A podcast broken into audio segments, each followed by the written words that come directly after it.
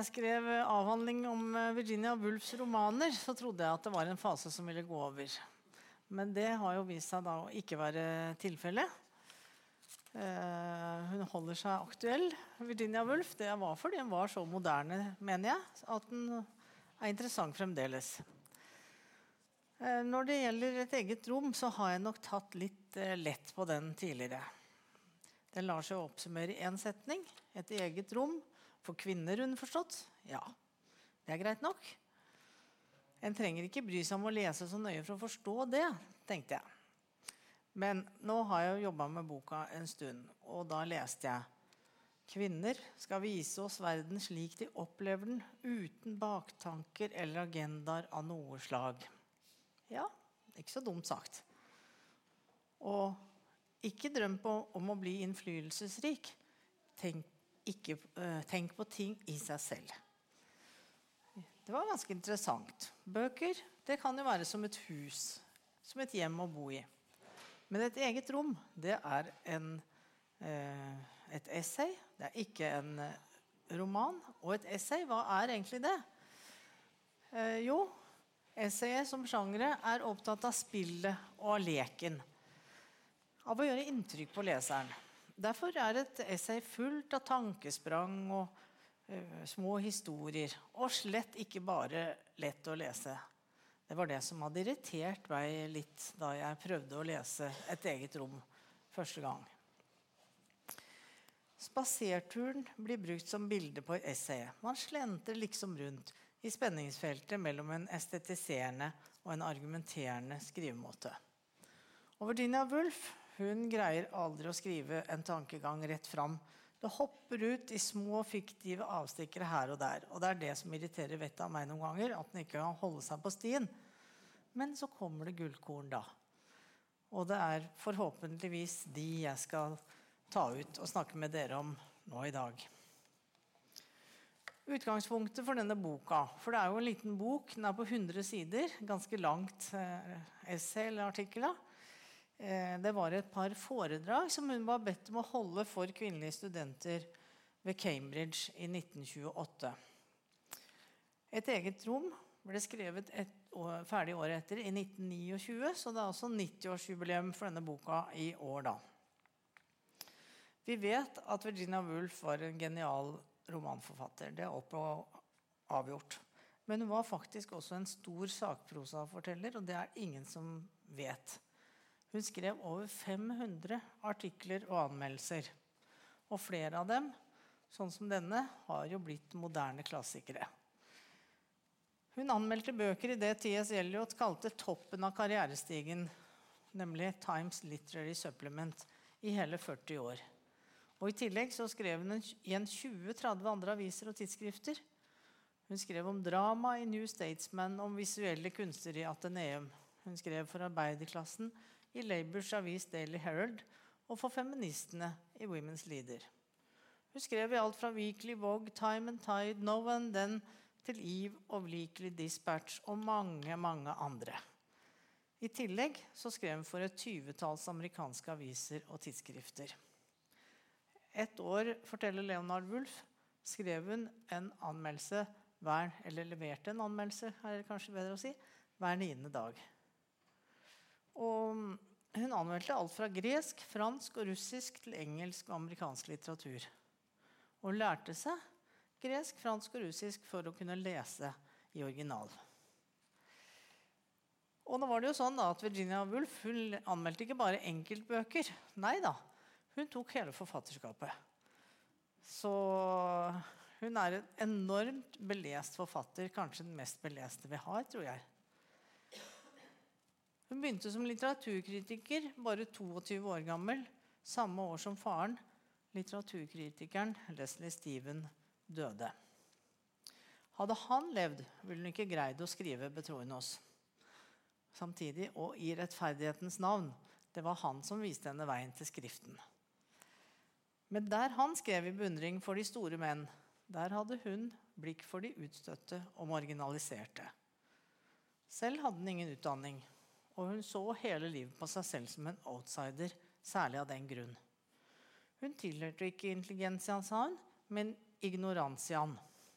Det skrev hun om seg selv sent i livet. I et eget rom så oppsøker hun opprinnelsen til kvinners utestengelse.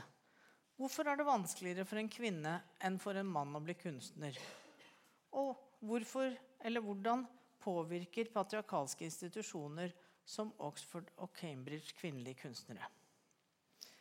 Jeg regner jo ikke med at så mange av dere har lest Et eget rom.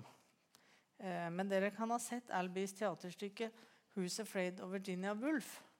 Et stykke som ble skrevet i 1962, altså lenge etter at Virginia Woolf var død. Eh, det var Leonard Woolf som ga tillatelse til denne tittelen. Og tittelen spiller på en barnesang. Who is afraid of the big bad wolf, the big bad wolf, the big bad wolf? Og hvem er redd for Virginia Woolf? Det går som et ekko gjennom denne filmen eller teaterstykket. Vi skal se Elizabeth Taylor og Richard Burton, håper jeg. Nei, det ble det ikke. Må starte på nytt et øyeblikk.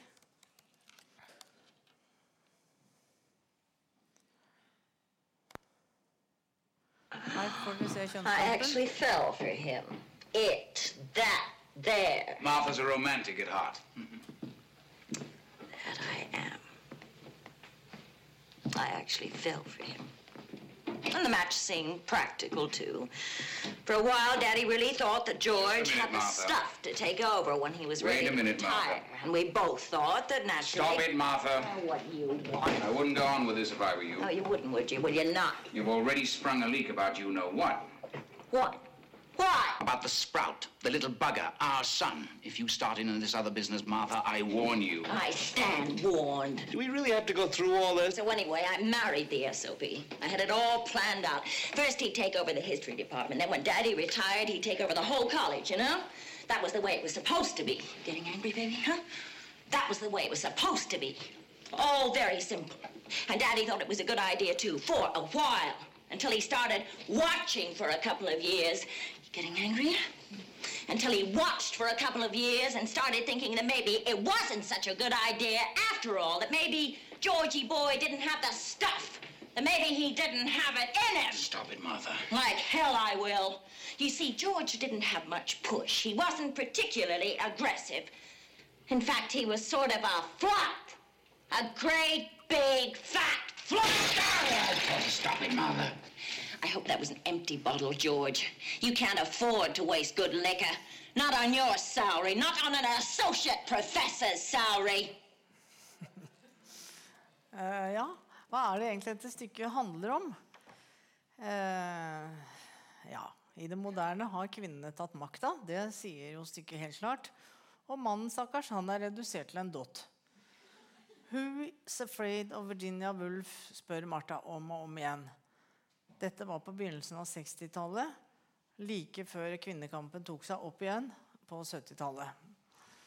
Så det er et ganske tidstypisk stykke. Ingen skulle tro at Virginia Woolf skulle dukke opp igjen med feministene på 70-tallet. Litteraturviteren Toril Moi hun bruker tittelen 'Who is afraid of Virginia Woolf' som kapitteloverskrift i avhandlingen sin 'Sexual Textual Politics'. Og det var en fornøyelse for meg å finne den boka og den kritikken hennes. For det Toril Moi viser, det er at eh, feministiske forskere har vært for lite redde for Virginia Woolf. De modernistiske forskerne, som stort sett har vært menn, de har hyllet henne for hennes formspråk og hennes romaner. Der har det ikke vært noen tvil.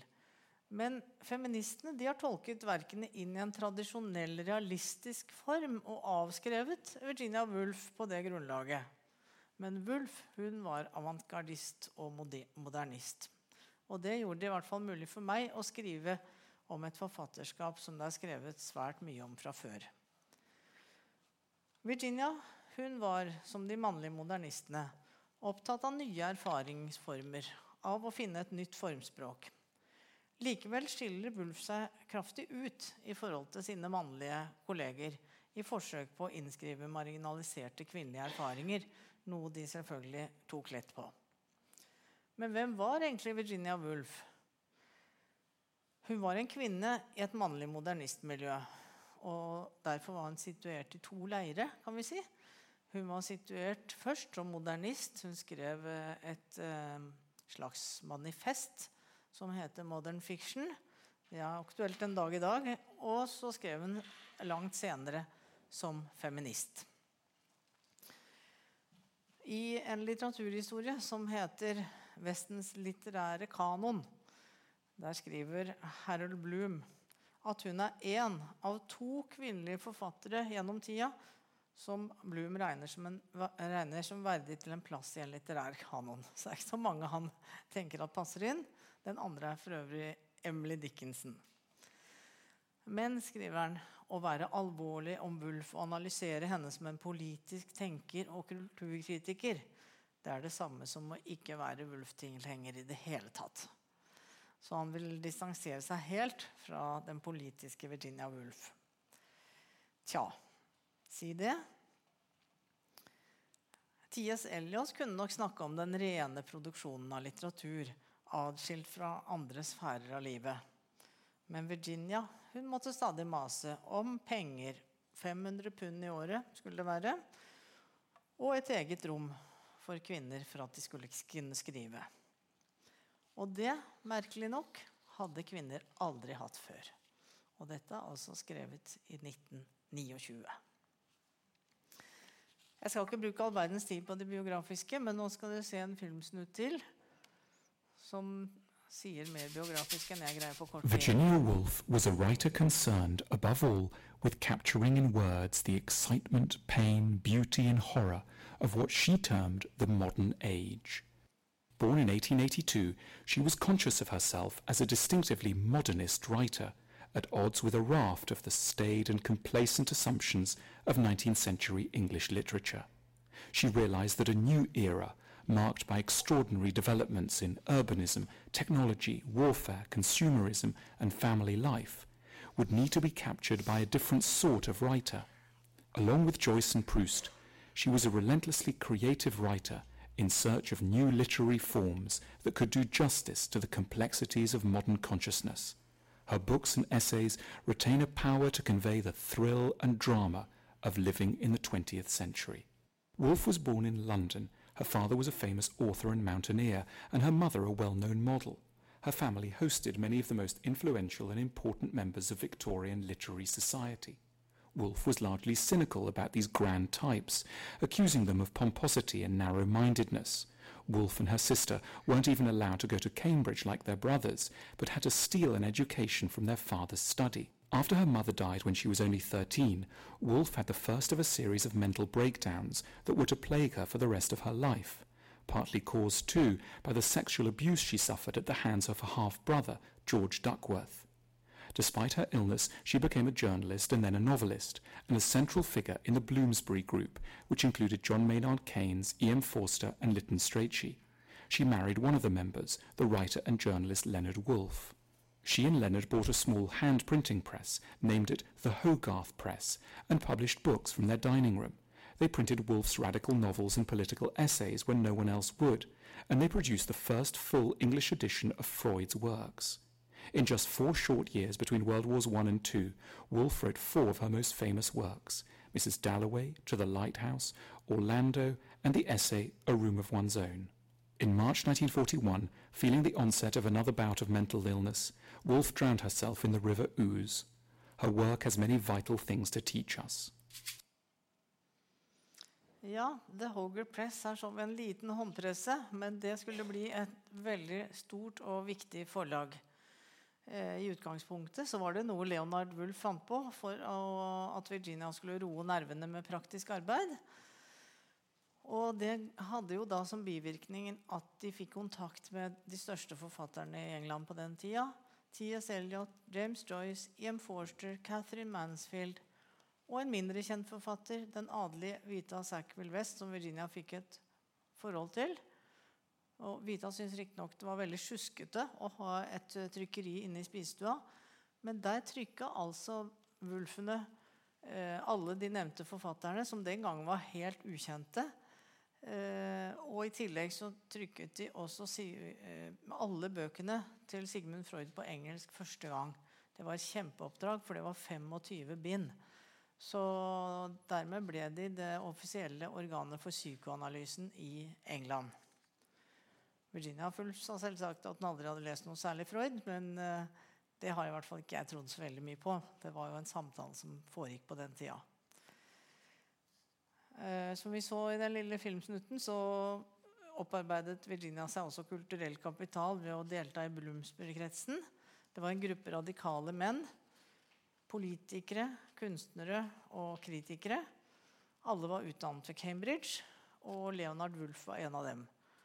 Han eh, var skribent og journalist og hadde vært utstasjonert i Ceylon, altså på Sri Lanka.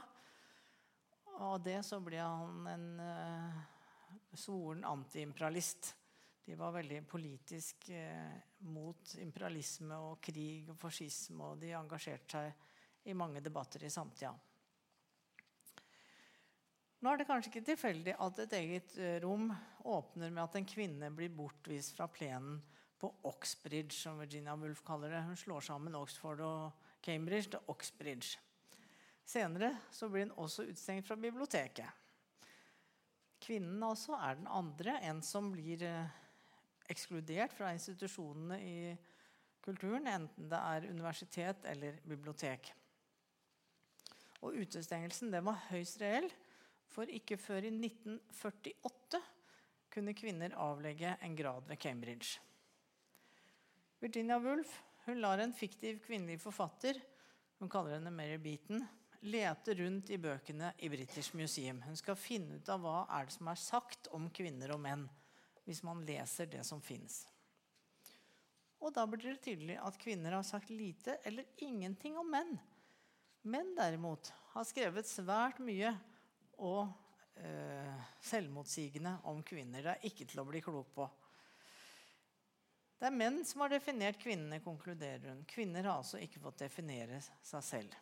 Kvinner er stengt inne i menns tekster av deres definisjoner, men de er også stengt ute fra å framstille seg selv. De er stengt ute fra representasjon. Men hvorfor, spør Virginia Woolf, har menn vært så sinte på kvinner? Det er jo de som har hatt makt. Sitat. Til tross, tross for all sin makt er menn avhengig av kvinner og deres deilige evne til å speile mannen dobbelt så stor som han er. Er Et eget rom Den ble skrevet i skjæringspunktet mellom en eldre og en nyere kvinnebevegelse. Denne boka går i dialog med en tradisjonell kvinnebevegelse i kampen for egen økonomi, eget rom og utdanning for kvinner. Mens analysen av kvinners kulturhistorie, for det er en kulturhistorie, dette her, Eh, den er tilegnet de yngre kvinnene. Jeg skal vise et lite filmklipp til.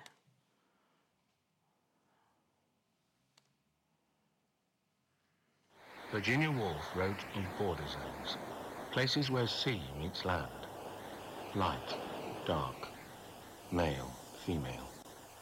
She saw with searing clarity the war within families, classes, nations. She reshaped modern literature, pouring her own intense life experiences into her writing. Vi stopper den der. Vi skal se litt mer av den etterpå, for det er en veldig god film om Virginia Woolf. Et eget, I et eget rom angripes mannlige forfattere for at et stort 'jeg', bokstaven 'I' på engelsk, kaster lange skygger over arket. Man lurer på hva som befinner seg bak dette selvhevdende jeget, skriver Wulf. Den virile selvhevdelsen virker begrensende på litteraturen. Dessuten, de mannlige modernistene var opptatt av at følelsene måtte holdes i sjakk av en streng litterær form.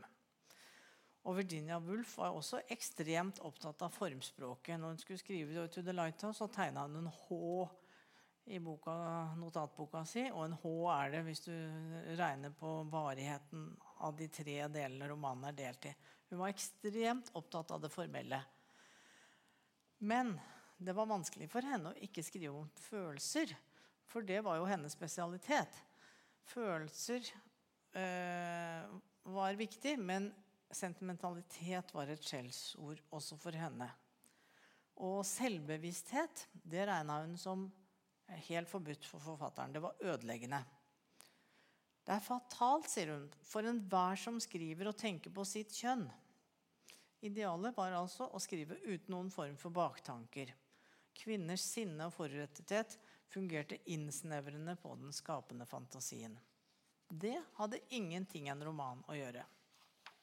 Først når undertrykkingen opphørte, ville kvinners romaner slutte å være en avfallsdynge for personlige følelser. Her føler jeg at den sensurerer seg selv litt, og andre kvinner også. Blant annet syns hun Charlotte Bronté, som hun for øvrig er veldig glad i, at hun er for opptatt av å tale kvinners sak i Jane Eyre.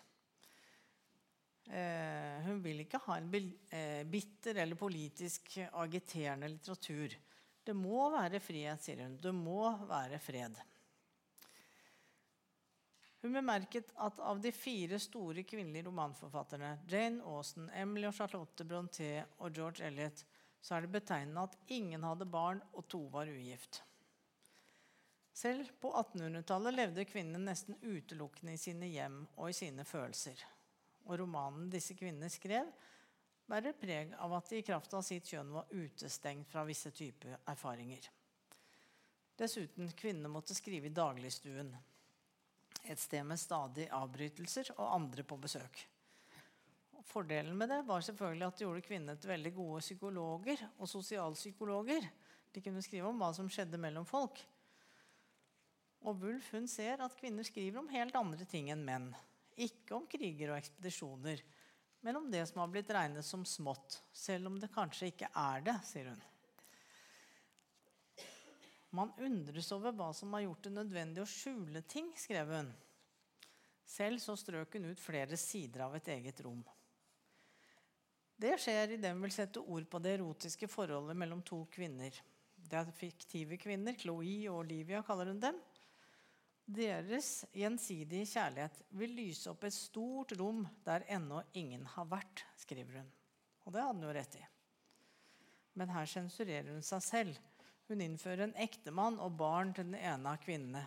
Og hun gjør dem til arbeidskamerater. Og dette irriterte vettet av Vita Sackville West, som riktignok levde sånn, bortsett fra at hun ikke hadde arbeid. Da, hun hadde mann, en homoseksuell mann riktignok, og barn. Og Virginia svarte da at hun var redd for å bli angrepet som feminist og sappfisk. Et eget rom utkom jo i 1929. Og det var samme år som Radcliffe Halls lesbiske roman 'The Well of Loneliness', 'Ensomhetens brønn', ble stilt for retten og dømt. Virginia hun hadde modig nok sagt ja til å vitne i denne saken, men så ville dommeren dømme helt selv. Og han dømte 'The Well of Loneliness' som en usedelig roman, og bøkene ble destruert og brent på bål. Så en viss selvsensur var absolutt nødvendig, også for Virginia Woolf, selv om hun nok benekter det litt. Jeg skal vise en filmsnutt til, og den syns jeg er litt interessant, for den er fra eh, hennes selvbiografi. Nå skrev jo aldri hun noe stor selvbiografi. Den heter 'A Sketch of the Past', og, det er akkurat hva det er. En skisse fra fortiden. Men vi kan merke oss da at det første minnet hun har som barn, det er at hun sitter på morens fang. Hun savna jo moren hele livet. Hun døde da hun var 13 år. Så det savnet kom hun aldri over.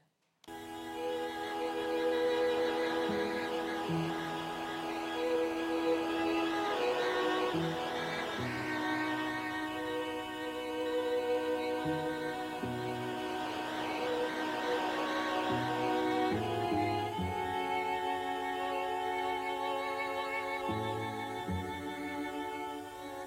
was I then? Adeline Virginia Stephen, the second daughter of Leslie and Julia Prinsep Stephen, born on the 25th of January, 1882. The first memory. This was of red and purple flowers on a black ground, my mother's dress. She was sitting either in a train or in an omnibus, and I was on her lap. I therefore saw the flowers she was wearing very close. They must have been anemones. Perhaps we were going to St. Ives. More probably, for from the light it must have been evening, we were coming back to London. But it is more convenient artistically to suppose that we were going to St. Ives, for that will lead to my other memory. The most important of my memories is of lying half asleep, half awake, in bed in the nursery at St. Ives. It is of hearing the waves breaking. One, two, one, two, and sending a splash of water over the beach, and feeling it is almost impossible that I should be here, feeling the purest ecstasy I can conceive. They set Så stopper den der litt. Ehm, jeg har veldig lyst til å komme til dette stedet St. Ives en gang. Det ser så nydelig ut, Men jeg vet ikke om det er noe sted for Wulf der. Eh, det var sommerhuset deres, og det var vel ikke noe hun hadde hele livet antagelig. Eh, men jeg var på eh, stedet deres eh, sør for London, i Monks House. Det var ganske interessant å se. Et lite, kaldt sted med en fantastisk hage som Leonard hadde lagd. Den er det ikke bilde av her, men jeg kan jo si litt om det. Hva vil det egentlig si å være den andre i kulturen? Virginia tar opp fremmedheten som kvinner føler når de f.eks. omgis av ja, statuer av menn. De går nedover en gate, og så ser de at det er bare menn rundt dem. Og da sier hun noe som jeg syns er ganske godt sett. Hun forklarer det slik. Hvis man er en kvinne, blir man ofte overrasket av en plutselig splittelse i bevisstheten. F.eks. når man går nedover Whitehall. I stedet for å være den naturlige arvingen til denne kulturen, opplever man plutselig å stå utenfor den, fremmed og kritisk. Ja, dere kan jo se dere rundt i rommet her. Det er jo ikke mange damer å se. Det er bare mannlige portretter, og det er vi kvinner ganske vant til, faktisk. Hvis vi er i det mest høytidelige rommet på NTNU, så er hele rommet dekket av menn. Det er én dame, men den uh, fremstillingen har jo da avbildet den sånn at den ser ut som en mann. Så det er, uh, det er gjennomgående at vi kommer i sånne situasjoner da vi istedenfor å føle oss som den naturlige arvingen til kulturen, isteden står utenfor den fremmed og kritisk. De store menn, ja. Kvinner som bor i kulturen, er marginaliserte i den samme kulturen. Men likevel, skriver Virginia Woolf, er det skjebnesvangert for enhver som skriver og tenker på sitt kjønn. Det er skjebnesvangert å være mann eller kvinne ene og alene. One has to be woman manly or man womanly. Det er en moderne tankegang, for Virginia Woolf ser kjønn ikke som evigvarende essens, men som flytende og mangesidig. Hennes forståelse av kjønn er altså ikke fastlåst i kjønn, faste kjønnspolariserte stereotypier, men åpen for spillet med forskjell. Hva er en kvinne? spør Virginia Woolf, og hun svarer. Jeg forsikrer dere, jeg vet ikke. Det er ganske flott sagt. Det var modig av Virginia Woolf å kaste seg inn i kampen om å sette normene i det litterære feltet. På 1920-tallet som modernist og like før 1930-tallet som feminist. Virginia hun opplevde jo noe som få kvinner opplevde. Hun ble en feiret og berømt forfatter i sin egen samtid. Et feministikon avbildet like mye som Marilyn Monroe, men da som symbol på det motsatte, på frihet fra undertrykking. Mot slutten av livet opplevde hun nok å bli satt litt på sidelinjen. Og i 1938 beskrev hun friheten ved å ikke lenger være så berømt. Ikke lenger berømt, ikke lenger på en pidestall. Ikke lenger jaktet på av samfunnsgrupper. For meg selv, for alltid. Det er min følelse. En følelse av utvidelse. Som å ta på seg tøfler. Eh, det er kanskje ikke bare jeg som føler det litt såre i dette her med tøflene. Eh, hun endte jo med å ta livet av seg under annen verdenskrig i 1941. Hun var da 59 år gammel. Hun var mye syk, men det var helt utrolig at hun fikk skrevet så mye og så bra som hun gjorde. Jeg har tenkt å trekke inn et, tidligere, et tidligere og et senere essay som hun skrev. Det tidligere essay det er kalt 'Herr Bennett og fru Brown'. Det er fra 1924. Og da ser en at Virginia Woolf er i en sånn mellomposisjon. Hun er modernist og på vei til å bli også feminist. Og det første hun gjør, er at hun deler forfatterne inn i to leirer.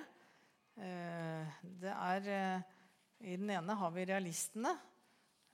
Det er samtidsforfattere som Wells, Bennett og Galsworthy. De er ikke så kjente for oss i dag, kanskje. Og i den andre er det modernistvennene. Forster, Lawrence, Elliot og Joyce. Og Virginia Woolf hun skisserer en kamp mellom to aktører i det kulturelle feltet. Kampen den sto mellom materialistene, som bare var opptatt av etterligning av det ytre og trivielle, og modernistene, som ville rense kunsten for tradisjonelle plott og karakterer og beskrive tingene mer abstrakt og beskrive mennesket mer komplekst og sett innenfra. For å få fram det ulike synet de har på karakterene, så forteller hun en liten historie fra en togkupé. Der entrer det en mann og en kvinne. En kvinnelig forteller beskriver de talløse måtene kunne vært, kvinnen kunne vært framstilt på. Materialistene sier hun, de ville bare sett det ytre, hvor hun bodde, forfedrene osv. Det var det eneste de interesserte seg for. De ville ikke sett kvinnen i det hele tatt. De ville bare sett seg selv. Virginia Woolf hun spår i dette essayet at kvinnen blir det neste epokedannende kapittelet i litteraturhistorien. Det fikk hun det rett i. Det handler med andre ord om å identifisere en ukjent, en eldre kvinne i litteraturen. Vi vet så lite om kvinner før 1800-tallet, sukker Wolf. Hun oppfordrer unge kvinner til å fylle disse tomrommene det er jo helt visjonært, for det er jo det som har skjedd. Vi har fått kunnskap om kvinnehistorie og kvinnelitteraturhistorie. Uh, yngre akademikere fra 70-tallet av som har skrevet og forsket fram kvinners historie. Så det er også en sånn som jeg ble litt paff over å lese. Jøss, hun så det. At kvinner måtte fylle disse tomrommene. Virginia Woolf hun var sinna på disse materialistene. Hun mente at de som begynte å skrive rundt 1910, de hadde ingen forbilder i engelsk samtidslitteratur å lære av. De ødela rett og slett sine tidligste arbeider fordi de prøvde å bruke materialistenes redskaper i stedet for å kaste dem fra seg, ser hun. Og denne metaforen med å kaste fra seg den utvikler hun videre. Overgangen til en moderne roman beskrives lydelig som gjenlyden av alt som knuses og faller. Det som ødelegges, det er selve grunnlaget og reglene i det litterære samfunnet. Overalt er det tegn på denne ødeleggelsen, skriver hun. Grammatikken er krenket, syntaksen er oppløst. Sitat. Uanstendigheten til James Joyce i Ulysses ser for meg ut som en bevisst og kalkulert uanstendighet til en desperat mann som føler at han må knuse vinduene for å kunne puste. I det øyeblikket Idet vinduet knuses, er han praktfull. Vi står og skjelver på kanten av en av de store tidsaldrene i engelsk litteratur, avslutter hun. Og det fikk hun sannelig rett i. Det ble en kjempelitteratur ut av dette her. Men behovet for en ny litteratur det gjelder mer enn et formalistisk kunstsyn. Det gjelder altså også kvinnenes inntreden.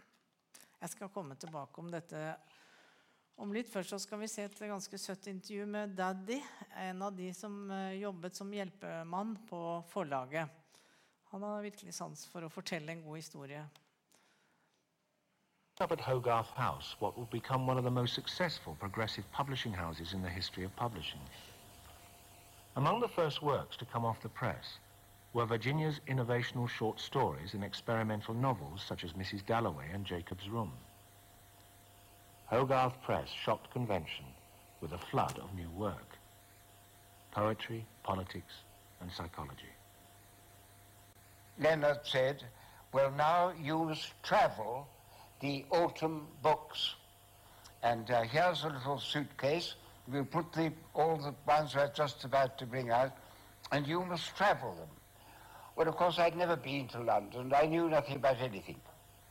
Full of trepidation, and self-consciousness, I went up and brought out my wares, which mainly were little slender books of poetry by people whose names had never been heard of. And I suppose I might have been traveling Jacobs through, I'm not sure. But what I was traveling was the collected papers of Sigmund Freud. So I put this before the manager, and he looked at it, then he looked at me, and he said, We don't deal in pornography here. Well, this was rather a cold, cool douche to me, because I went back to at Leonard thinking, he, when he said, How did you do? What did you sell? Well, well, Leonard, I, I afraid I haven't really sold anything. And how do you get on with Freud? Well, he said uh, he, he didn't deal in pornography. Leonard was delighted. Absolutely. how typical. How typical. How English. Er ikke han søt? han lille daddy. Han ble en god venn av dem.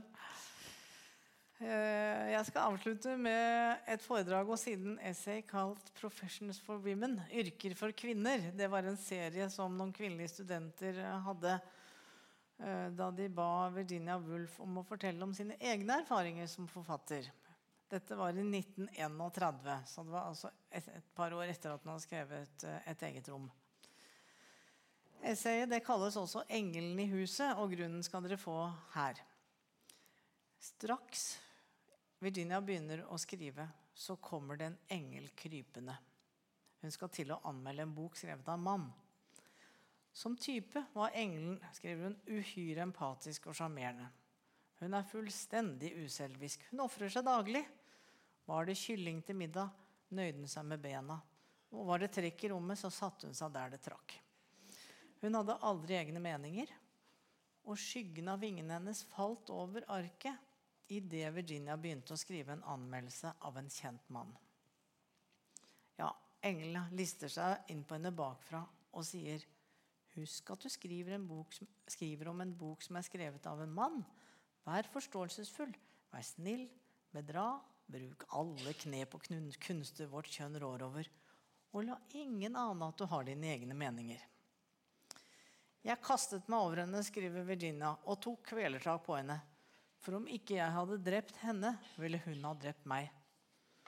Hun var skeivlivet, for det er mye enklere å ta livet av en person enn et fantom. Men hun døde hardt, forsikrer hun oss. Selv så var han faktisk en ganske snill anmelder av menns bøker. Med unntatt av disse materialistene. Da. De eh, likte hun ikke noe særlig godt. Og så var det denne stakkars I.M. Forster, som jo var en venn av henne. Han skrev godt om psykologi, sa han, men det var det at han absolutt skulle skrive så symbolsk. Og det mestrer han overhodet ikke. Så hun fillerista Forster ved noen anledninger. Men bortsett fra det var hun en snill anmelder av menns forfatterskap.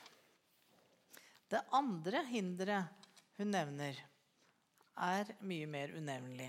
For det handler om kroppen og lidenskapen. Og nå handler det ikke lenger om å anmelde bøker av menn, nå handler det om å være romanforfatter.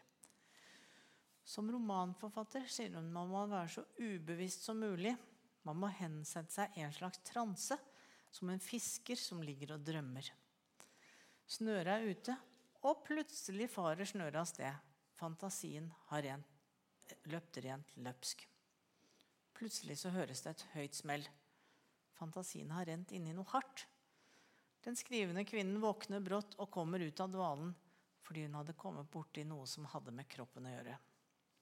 For hva sa ikke en mann om en kvinne som skrev sannferdig om erotikk? Tanken gjør at den ikke greier å skrive mer.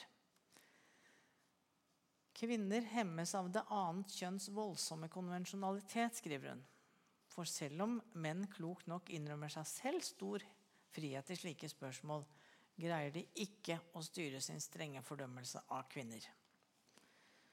Og Virginia Woolf hun innrømmet at hun ikke hadde greid å si sannheten om sine erfaringer som kropp, og hun betviler at andre kvinner har gjort det.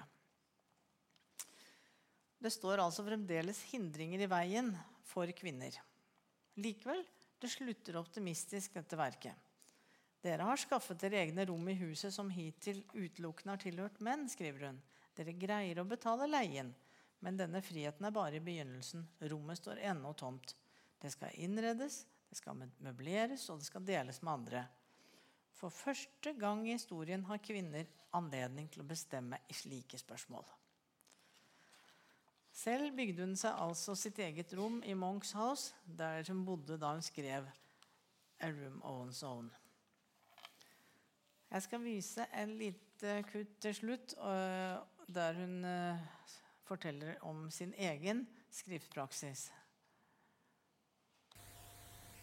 With the Hogarth Press, Virginia Woolf was free to write ever more experimentally. She no longer had to please other editors.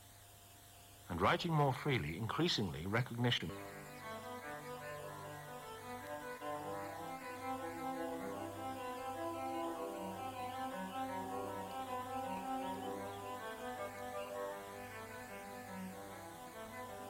I want to begin to describe my own sex. I'm the only woman in England free to write what I like.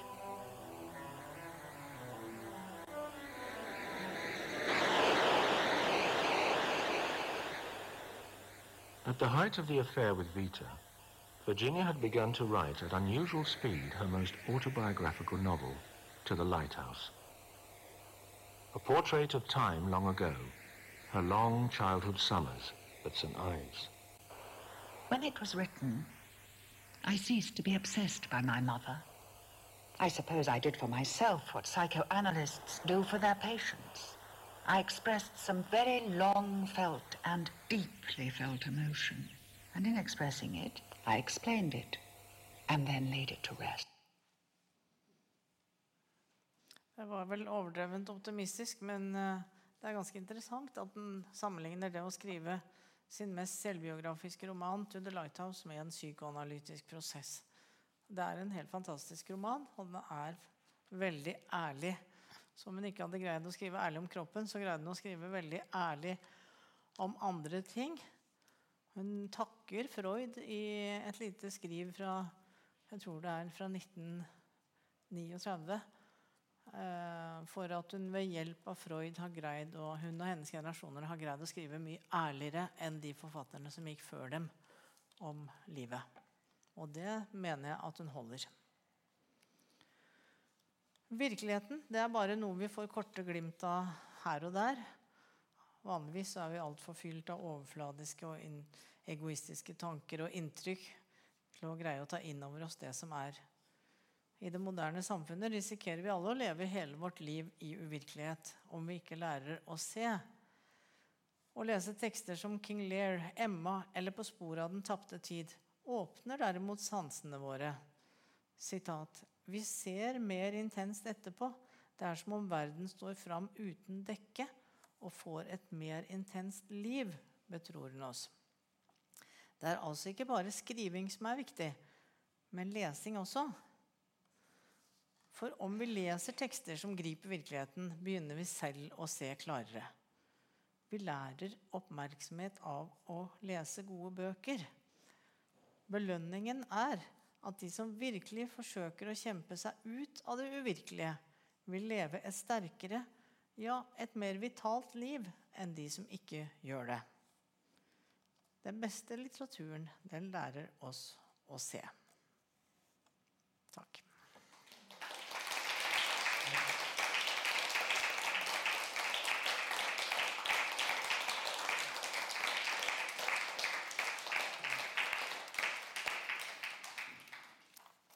Vi har lov å holde på i en ti minutter, kvarter til, så hvis det er noen kommentarer eller spørsmål, så må dere ikke brenne inne med det.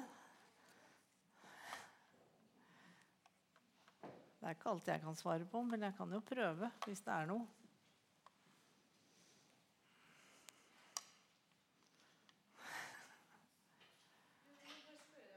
Ja.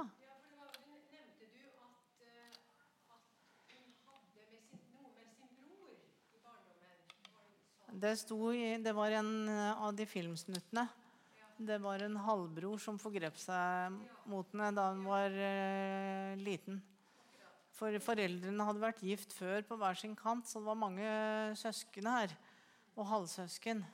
Det kan du lese i to the Lighthouse, der flyr unger og ut og inn av dørene hele tida. De var mange. Hun skriver noe om det i A Sketch of the Past. Og det er en litt sånn incestaktig scene i debutromanen 'The Voyage Out'. Så mm, det, hun er inne på det. Ja.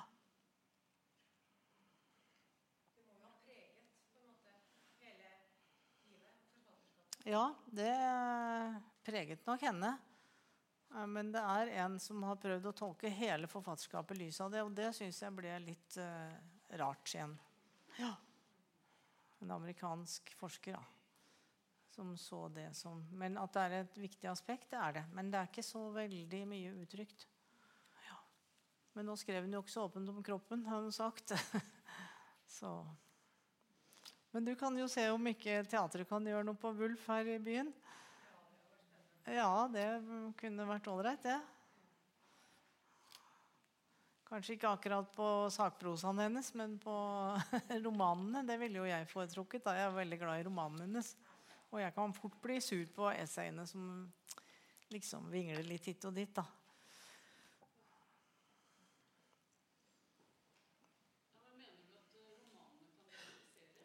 At romanene kan Ja, det skal jeg ikke se bort fra. Det er utrolig hva som kan dramatiseres. det er ett problem, og det er jo at uh, i Virginia Woolfs bøker Og det er jo derfor så mange blir litt uh, forvirra og utålmodige med dem. Det er jo at vi er på innsida av karakterene. Det er jo de indre stemmene, og så kommer det ytre Det er det som en senere fransk forfatter kaller underkommunikasjon. At vi hører hva folk tenker. Og de tenker jo mange forbudte tanker om hverandre, og de er jo eh, mot hverandre og for hverandre annen gang. Og det kan gjøre det litt vanskelig, men teatret kan jo bruke sånn overstemme. At eh, det indre kan leses høyt, ikke sant? For eksempel, da. Ja.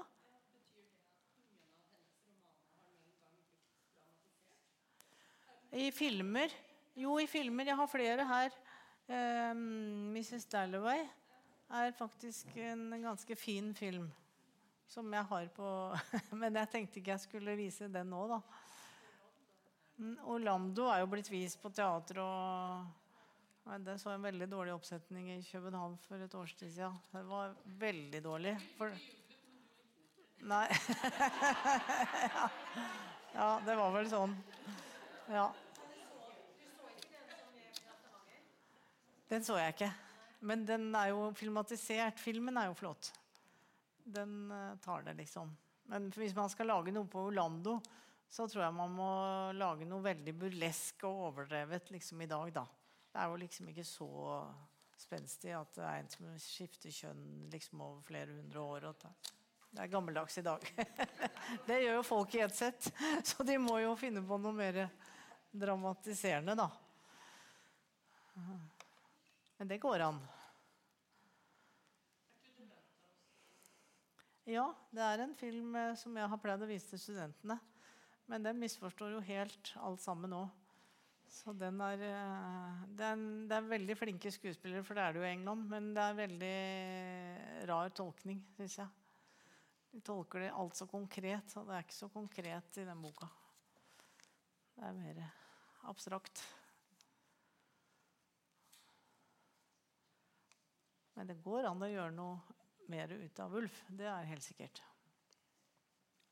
Og jeg tror ikke hun går av, med, av moten med det første heller. Ikke så lenge det finnes en kvinnebevegelse. Nå er jo metoo-bevegelsen og de unge i full gang, så nå tror jeg at den kan være aktuell fremover òg, ja. faktisk. Utenpå bøkene er det jo litt sånn framstilt i krinolinekjoler og ser liksom så gammeldags ut. Men når du blar opp og ser hva de tenker på, med tanker som flyr frem og tilbake, og bekymringer over regninger sammen med liv- og dødtanker, så er det ganske sånn vi er fremdeles. Vi tenker jo frem og tilbake og greier ikke å være helt til stede her og nå. Det er jo derfor vi lærer oss mindfulness og yoga. jeg vet ikke hva, For å stoppe den der indre samtalen som flyter att og fram hele tida. Ja. Ja.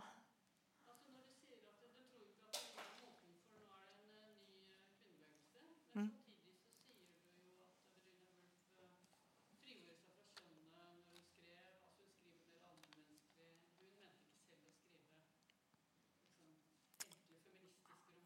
Nei, men det, det handler om mye mer enn det. Det gjør de. Men uh, det er jo ikke sånn at hun ikke skriver om kjønn, for det gjør hun jo absolutt. I To the Lighthouse så har hun jo to veldig kjønnspolariserte foreldre. En mann og en kvinne som er, har sine begrensninger, begge to. Og så er det en liten kunstnersjel i midten, da Lilly Briscoe, en kvinne da, som, som avviser både den måten å være på og den måten å være på, som vil gjøre ting helt annerledes. Nei, hun skriver absolutt om kjønn. Men det hun ikke liker, er vel det at kvinneforfattere taler en sak. Men hun skriver absolutt om kjønn, ja. Så det var bra du spurte om, for det Det inntrykket må ikke bli sittende igjen. Mm. Mm, ja. Det er lenge siden jeg så den. Den er jo lenge siden. Mm.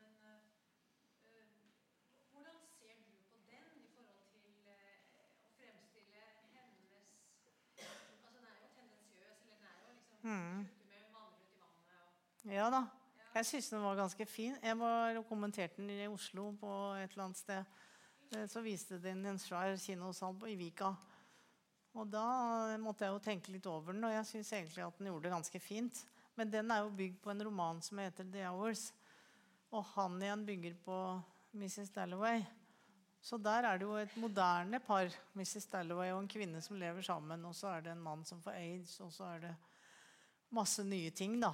Men den mannen som får ligner litt på Septimus-karakteren i boka til Virginia Woolf. Og det er liksom aktualisert, da. Så jeg syns den var ganske flott. Fine skuespillere òg. Jeg husker jeg sa til hun dukker til Dagbladet at uh, denne filmen var sterk. Jeg vet ikke om jeg greier å si noe om den sånn like etter å ha sett den. Jeg, ja, men det er jo kjempebra. Vi skal tilbake. For det er jo der alle i salen er. så det var litt ålreit, for alle satt litt sånn lamslått etterpå. Mm, den var sterk. Men det syns jeg var en sånn vellykka type film.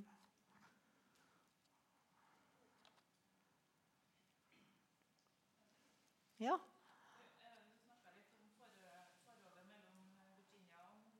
Ja. Nei, altså moren hadde jo en drøss med unger. Så det er jo en del som mener det at eh, hun fikk for lite mothering eller mødring. da. Eh, fordi at det var for mange der. Så hun fikk så lite tilgang på moren. Og, så, og hun var veldig glad i moren. Men uh, når hun døde 13 år gammel, så fikk hun det første sammenbruddet sitt etterpå. Og så fikk hun det andre sammenbruddet da hun skrev det første romanen 'The Voyage Out'. Det er en roman i realistisk form. Den kom i 2017, var det det? I hvert fall 19, 2019 var det. Så 19 19 19 Det må være 1917, da vel. 1915 var det. 1915. Jeg har så dårlig forhold til årstall. Ja. 1915, tror jeg. I hvert fall i den boka så skriver hun ganske åpent om mange ting. Og litt for åpent antageligvis. Så hun brant til sammen ni forskjellige utkast av debutromanen sin. Det skulle ikke utgis. Så, men så ble det utgitt, da. Etter hvert i sensurert form. Og da hadde hun sammenbrudd igjen. For da hadde hun skrevet for mye. Og som regel så slet hun seg ut på å skrive bøker. og Jobba jo forferdelig intenst. da. Og så var det et sammenbrudd etterpå. Og så var det begynt på nytt igjen. Så det var veldig mye frem og tilbake med henne. Jeg tror hun hadde fem sånne alvorlige sammenbrudd. Men da skrev hun ikke. Da lå hun i et mørkt rom og hadde ikke kontakt med noen annet enn en pleier og Leonard som kom, og den ble tvangsfora og litt av hvert. altså Veldig rar med måte de behandla folk på den gangen. Men hun fikk ikke lov å ha penn og papir. Og det var kanskje lurt, for det ble for mye, da. Som regel. Så, men den siste gangen hun var dårlig, så hadde hun for seg at hun ikke kom til å bli frisk igjen. Så hun skrev et brev til Leonard om at uh, ingen hadde vært så god som han. Og nå vil han ikke være en belastning for han lenger, så nå vil han heller gjøre det slutt. Og brenn alle papirene mine. Og så skrev hun et brev også til søsteren Vanessa. Hun hadde en søster som var maler. Veldig flink maler, til og med. Som het Vanessa Bell. Men jeg tenkte ikke jeg skulle slutte med den filmsnutten, for det går så veldig sånn nedover. da hun blir funnet og ja, Det er niesa henne, datteren til Vanessa Bell, som forteller om at hun blir funnet. Og eh, faktisk sønnen til Vita Sackville West han eh, forteller hvordan han fylte lommene med sten og gikk ut i elva Os og tvang seg ut. Og det var i mars måned og iskaldt i vannet. Og hvordan i all verden hadde han krefter til å gjøre det? Men gjorde nå det, da. Mm.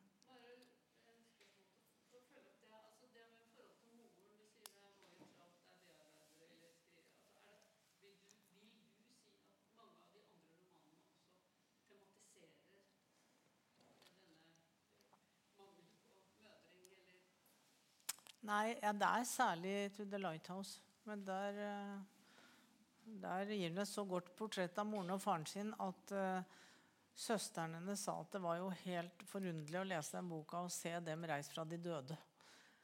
Det var liksom akkurat sånn som de var. En streng vitenskapsmann som heter Mr. Ramsay i boka. da. Også en mor som er empatisk, og som tar seg av alle som ligger og er syke, alle som er rundt omkring og hjelper alle og holder på. Hun er en sånn engel i huset som, eh, som Lilly må ta avstand fra for å kunne male bildet sitt av denne familien. da. Og det er jo såkalt uh, metafiksjon, at romanen uh, omtaler seg selv ved at det er som, en kunstner som maler et bilde. Og det bildet er uttrykk for det å skrive den romanen om de foreldrene.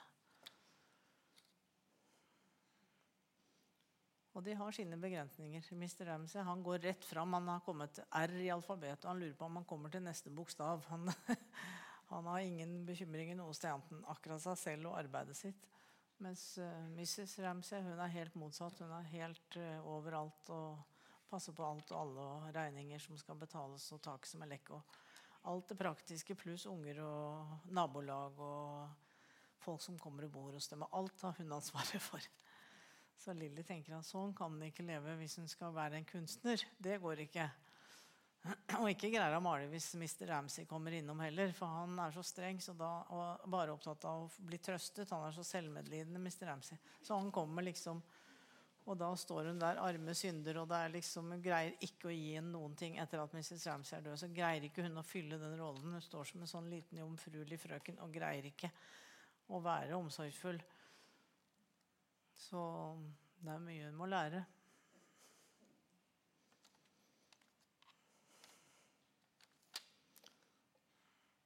Men hvis jeg skulle anbefale dere å lese en bok av Virginia Woolf, så syns jeg kanskje 'To the Lighthouse' eller uh, eh, 'Mrs. Dalloway'. Da. Det er de to aller største, syns jeg.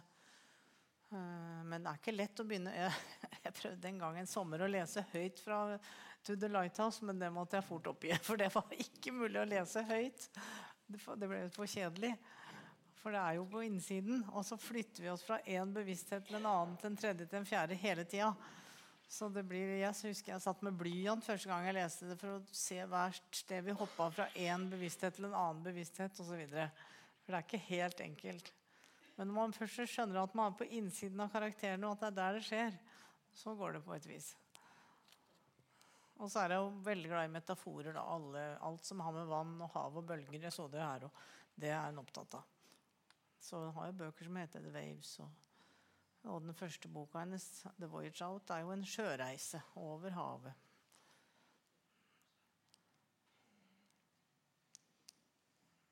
Men The Voyage Out, den første boka, er skrevet i realistisk form. Den er ganske lett å lese. Men den er jo lang, da. Men, eh, men eh, den er annerledes skrevet. Og så brøt den og ble modernist med 'Night and Day', men den er ikke så god. Men så kom Mrs. Dalway' i 1925. Den var veldig god. Og så kom uh, 'To the Lighthouse' to år etter. Og hun skrev dem på rekordfart. Det gikk liksom noen uker. Hun løp etter sin egen stemme, sier hun. Og skrev og skrev. Alt som ble, Det var akkurat som det ble diktert henne. Så en rar prosess.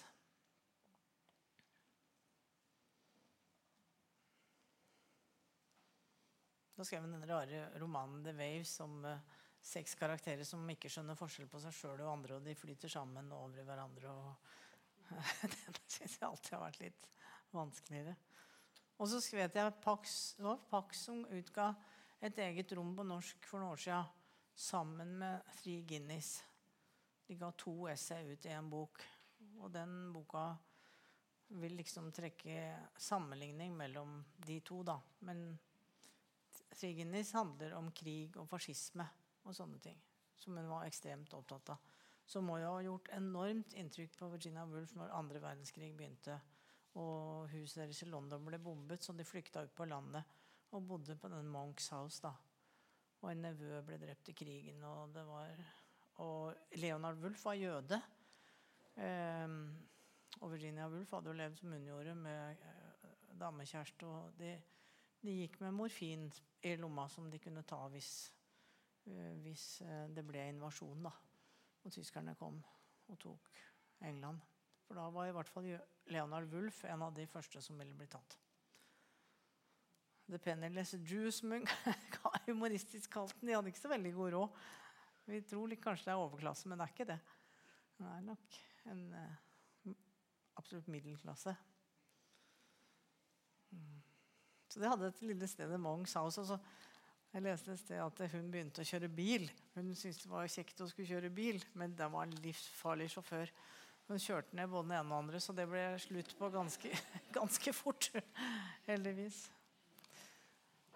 Ja, er det noen ferie på tampen? Ellers er vel tida der nå, tenker jeg. Vi går ut i ly, håper det er sol igjen. Det var veldig hyggelig å prate her. Så takk skal dere ha.